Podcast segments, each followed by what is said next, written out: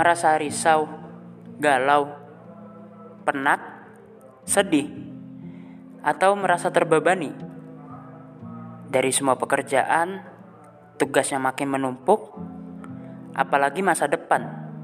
Belum lagi omongan orang sekitar. Tenang aja dulu, dengerin kami di Al In Wahid.